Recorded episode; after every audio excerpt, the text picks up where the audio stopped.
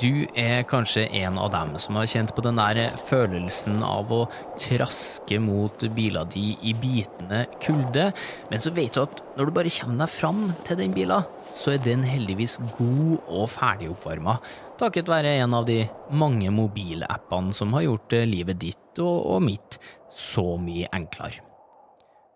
Vel, de samme appene har gjort det enklere å være hacker også, og kan bli brukt som en inngangsdør for å kutte f.eks. strømforsyninga i hele byen din.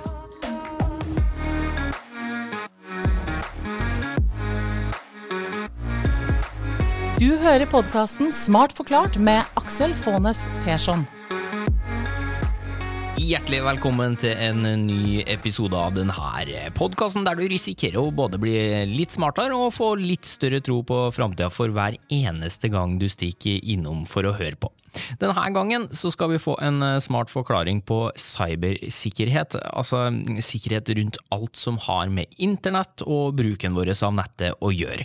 Og det er jo ganske mye eh, nå for tida, alt fra de her private bildene og videoene dine som ligger lagra oppe i en sky, til systemene som styrer for eksempel strømmen og, og vannet som du får hjem i boligen din. De slemme, bad guys altså, i historien om cybersikkerhet er hackerne, og så har du the good guys, de som jobber for å hindre hackerne i å lykkes. I dag representert ved superheltinne Maria Bartnes, hei hei. Hei, hei. Takk for den uh, omtalen. en flott tittel. En tittel som passer deg. Den offisielle tittelen, vi kan jo ta den nå, da, er vel forskningssjef i Sintef Digital, og du har en doktorgrad du kan skryte av òg, om sikkerhet i kraftbransjen. Så da, da har vi tre titler på deg. Ja, strålende. Ja, men det er bra. Du, eh, for å, for å begynne der, da. Hvor sårbare er vi nå i 2021 for digitale angrep?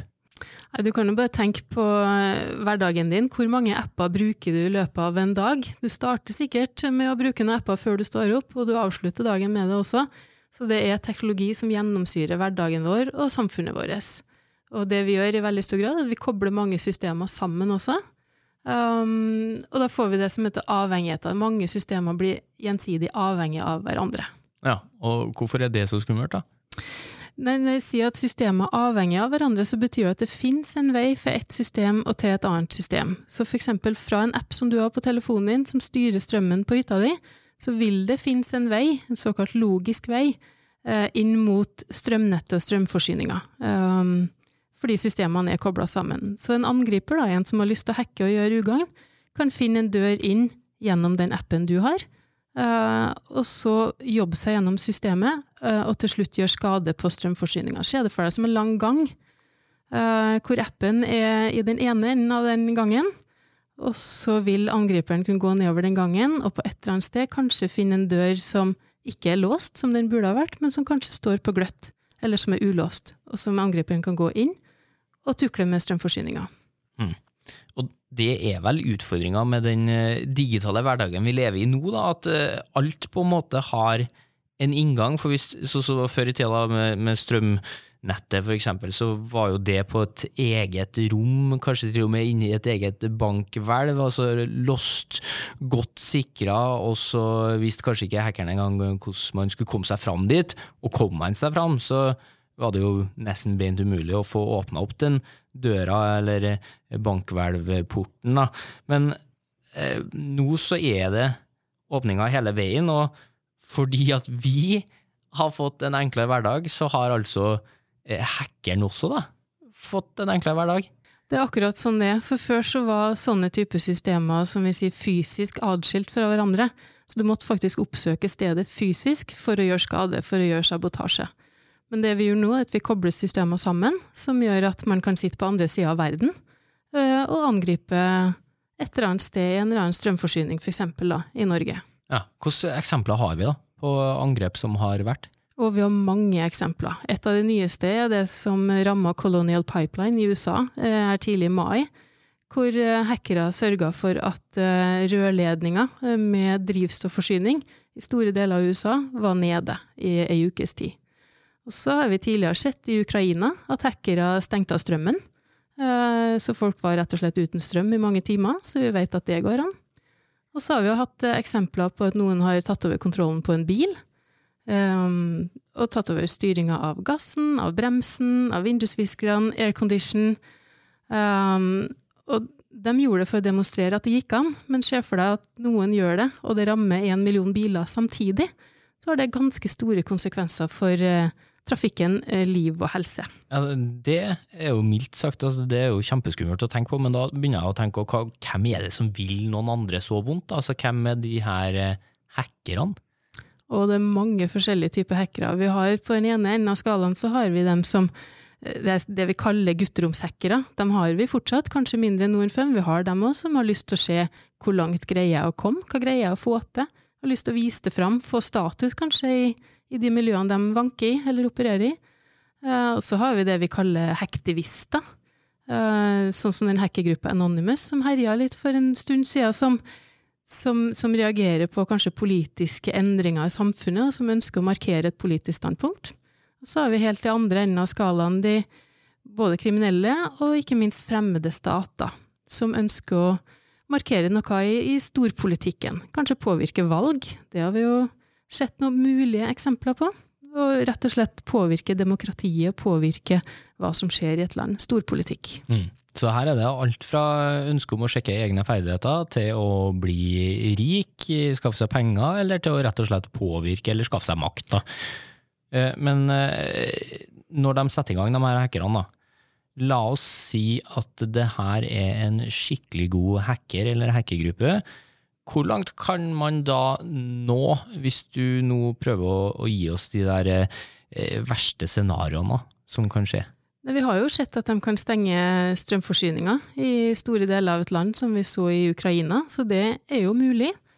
Um, vi kan se for oss noe som er jeg vet ikke om det er enda verre, men i hvert fall på lik linje. La oss si en oljeplattform. Kan man få en oljeplattform til å eksplodere? Det får man til med hacking?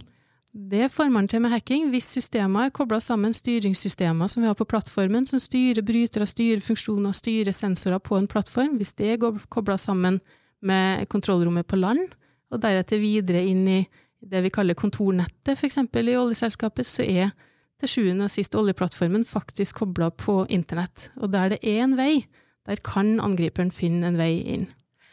Og så har vi jo vannforsyninga. Eh, vi har styringssystemer der også, systemer som vi bruker for å rense vannet, tilsette kjemikalier sånn at det blir trygt og godt eh, for oss å, å drikke vannet som kommer derfra. Eh, de er også kobla på nett. Se for deg at noen hackere også kommer seg inn der og begynner å tukle med mengden kjemikalier som tilsettes. Kan man da forgifte drikkevannet som sendes ut til en middels stor norsk by? Eh, ja, kan man det? ja, man kan det. ok, la oss håpe at ingen hackere hører på, på, det tipset, da. Trenger ikke å teste ut det, du som sitter på gutterommet og vurderer det. Men jeg tenker vi som nasjon, næringsliv, alt annet enn privatpersoner, da. Hvor bevisst er vi på den trusselen her, som tydeligvis eksisterer? da? Ja, på mange måter det, har vi en veldig høy bevissthet rundt sikkerhet, men så sliter vi kanskje litt med å få det til i praksis. Hvis du spør noen direkte om de er opptatt av sikkerhet, og om de skjønner trusselbildet, så vil de kanskje si ja, men så svikter det litt i praksis. For når vi utvikler nye systemer, så er det alltid funksjonalitet som trumfer sikkerhet. Sikkerhetskravene blir ofte litt nedprioritert, fordi vi lager jo ting fordi vi skal gjøre ting raskere, bedre, mer effektivt. Lage en kul app, vise at det går an. Uh, og så blir sikkerhet ikke viktig nok kanskje før systemet er i drift, og da er det dyrt å bygge på sikkerhet etterpå. Ja, nettopp som du sier i etterkant, da, det er en ganske hard lekse hvis du dropper eh, sikkerhet i utgangspunktet og ender opp med å betale noen hackere for å, for å slippe det igjen på ditt eget system. da det blir enda dyrere, helt klart. Eh, men det vil vi kanskje ikke kjenne på før det skjer noe. Så inntil det skjer noe, så går det jo ganske greit å nedprioritere sikkerhet. Men det vi burde fått til, er å bygge inn sikkerhet fra starten av. Vi burde egentlig forstå at når vi lager et nytt system, så skal det nok kobles på internett på et eller annet tidspunkt. Og da vil det være utsatt for hackere. Da er det en del forholdsregler vi burde ta fra begynnelsen av, for å sørge for at det ikke skjer. I hvert fall så burde vi ta bort de mest åpenbare feilene, de mest åpenbare dørene som ofte blir stående åpne. Hvis vi kunne ha lukka dem fra start, så hadde vi kommet et godt stykke på vei. Ja, Men eh, når det ikke blir gjort, da, så sier du at det er en liten kostnad, kanskje også tidsmessig eh, regnestykke som ikke går opp, men altså, er, er det så vanskelig da, å lage en sikker løsning for en app? Vi har egentlig veldig mye kunnskap om hvordan vi skal gjøre det. Vi vet hvilke dører som ofte blir stående åpne, vi vet faktisk hvordan vi skal lukke dem også. Men, eh, men det er flere utfordringer på veien. For det første så så stilles det ikke noe minimumskrav til sikkerhet i ulike løsninger som skal uh, tas i drift. Hvem som skal stille de kravene? De som bestiller løsninger, må faktisk også stille krav til sikkerhet. Ja, Så det er ikke noe myndighetene må gjøre? Per i dag så er det i hvert fall ikke sånn. For det, skal man bygge et bad i dag, så har vi våtromsnormen i Norge, og det er faktisk ikke lov til å pusse opp og bygge bad med mindre du følger de kravene som står der, og du faktisk er sertifisert og har lov til å bygge sånne gode typer bad. Den typen krav har vi ikke for IT-sikkerhet og for IT-løsninger i dag. Det hadde jeg ønska meg. Ja. ja. men da skriver vi opp det. Sender i brev ned til Stortinget, så får vi se hva som skjer. Eh, men, men hvordan Du sier at du vet, eh, eller at vi vet hvordan eh, dørene kan lukkes, og hvordan man skal låse dem, og, og gjøre det litt vanskelig for hackerne. Hvilke snubletråder er det vi kan legge ut da, for de her hackerne? Ja, snubletråd. For det første, altså vi vet jo hvordan vi skal bygge Vi vet mye om hvordan vi skal lage sikker programvare, men dessverre også har vi mange som utvikler programvare som ikke har lært så mye om sikkerhet på utdanninga si. Um, og i tillegg så foregår mye utvikling gjennom det vi kaller proof of concept. Vi lager en app for å se om vi får det til. For vi har noe vi har lyst til å prøve å få til, noe vi har lyst til å prøve å gjøre. Ny funksjonalitet. Så lager vi en sånn demo-app, eh, og så ser vi oi, vi fikk det jo til, og plutselig så er den i drift. Og den ble ikke laga hvor sikkerhetskravene var, var, med fra starten av, for den, vi skulle jo bare teste noe. Og da glipper sikkerhetskravene. Så for å legge ut noen snubletråder for hackerne, så tror jeg også vi må gjøre noe på opplæringssida. Vi må sørge for at de som skal lage de nye løsningene våre, eh, programvareutviklere, at de lærer om sikkerhet i utdanninga si, og at det også er fokus på sikkerhet i utviklermiljøene. Og I tillegg så må de som bestiller løsninger, bestiller nye IT-systemer, må også læres opp innenfor sikkerhet, for de eh, må forstå at sikkerhet også er viktig for dem, sånn at de er i stand til å stille gode krav. Mm. Høres jo ganske kjedelig ut, ordet sikkerhet, men når du har gitt oss de bildene du har gjort nå, så skjønner jeg jo, jeg og sikkert mange med meg, at det her må vi få gjort noe med. Eh, men jeg tenker, når, når det først skjer et angrep, da, som eh, La oss si at det skjer et eh, angrep som det du nevnte med, med vannforsyninga. Hva er det som blir satt i gang av krefter fra Norges side? da? Altså, jeg tenker Hvis vi blir angrepet fysisk, så er jo politi og soldater som hjelper oss. Hva har vi i kampen mot hackerne?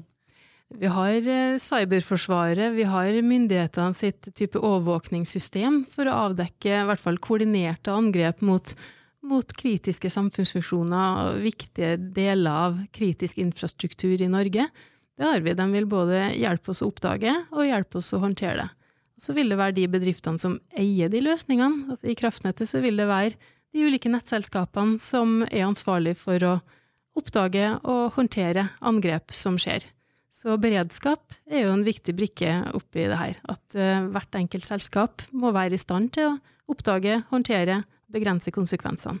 Og det må vi også gjøre i samarbeid. Det er klart Når alle systemene henger sammen, som vi snakka om i stad, så er det mange eh, som må på banen eh, hvis det skjer noen ting. Og godt samarbeid er utrolig viktig for å, for å lykkes.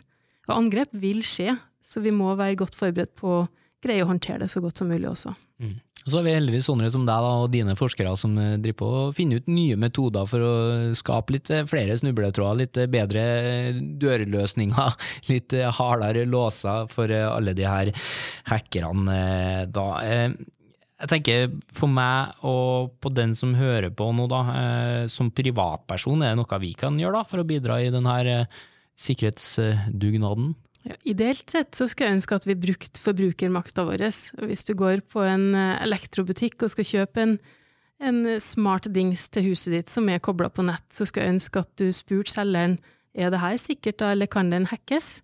Um, og hvis selgeren enten himler med øynene, rullegardina går ned, eller de sier nei, det vet vi ikke, så skulle jeg ønske at vi ikke kjøpte den dingsen. Da er det veldig mye frykter jeg vi ikke kunne ha kjøpt Det frykter jeg også. Eh, og så tror ikke jeg at vi kommer dit at vi, at vi greier det. Hadde vi hatt denne våtromsnormen for IT-sikkerhet som jeg snakka om, så hadde det gjort det litt lettere for oss. For da kunne vi i hvert fall sett, hvis vi står med to ganske like produkter foran oss, det ene er godkjent eller oppfyller minstekravene, det andre gjør det ikke, så kunne vi i hvert fall valgt det som, som oppfyller minstekravene. Da hadde jo sikkerhet blitt et konkurransefortrinn. Det hadde gjort det litt enklere. Men, men utover det så så, så syns jeg òg brukeren skal være ganske fritatt for å tenke sikkerhet. Hvis jeg går på en bilforretning og skal kjøpe en bil, så skal jeg egentlig slippe å spørre kan den bilen her hackes. Kan noen på andre sida av verden ta over gasspedalen mens jeg er ute og kjører? Det skal jeg egentlig ikke trenge å forholde meg til. Jeg skal forvente at den er sikker nok, sånn at jeg kan kjøre og ha full kontroll over biler på egen hånd. Ja, Det var godt du sa, for jeg tror eh, mange av oss har nok eh, bekymringer fra før av om vi ikke skal gå og bekymre oss for akkurat det òg. Ehm, men det høres jo ganske skummelt ut, det her. De eksemplene du nevner, altså hvor langt man kan nå eh, som hacker, hvis man bare får komme seg hele veien fram til f.eks. en oljeplattform. Jeg føler vi må prøve å løfte stemninga litt. Kan ikke du prøve å komme med noen konkrete lyspunkter da, som gir oss eh, trua på at denne utfordringa kan bli litt enklere og kanskje også løses i, i framtida? Ja, for det første, teknologi, det kan jo virke skremmende at vi bruker så mye ny teknologi nå med den sårbarheten som vi har snakka om i dag, men ny teknologi hjelper oss også til å redusere en del feil, så det gir oss bedre sikkerhet på mange områder enn tidligere, heldigvis.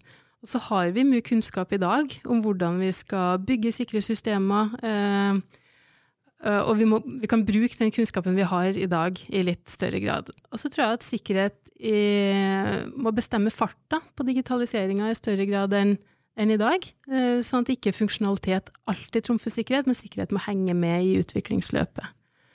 Og som jeg sier, vi vet mye i dag, så vi må bruke den kunnskapen vi har, og det vi ikke vet, det kan vi forske på. Ja, det er supert, og det er det du skal få lov til å gå tilbake til nå, eh, nemlig denne forskninga, da, eh, for å gjøre verden til en litt tryggere plass for oss alle. Tusen takk for praten, Maria.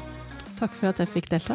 Og hvis du som hører på nå syns at eh, det her var interessant, så må du gjerne abonnere på Smart forklart. Da får du i så fall eh, beskjed neste gang vi legger ut eh, noe nytt.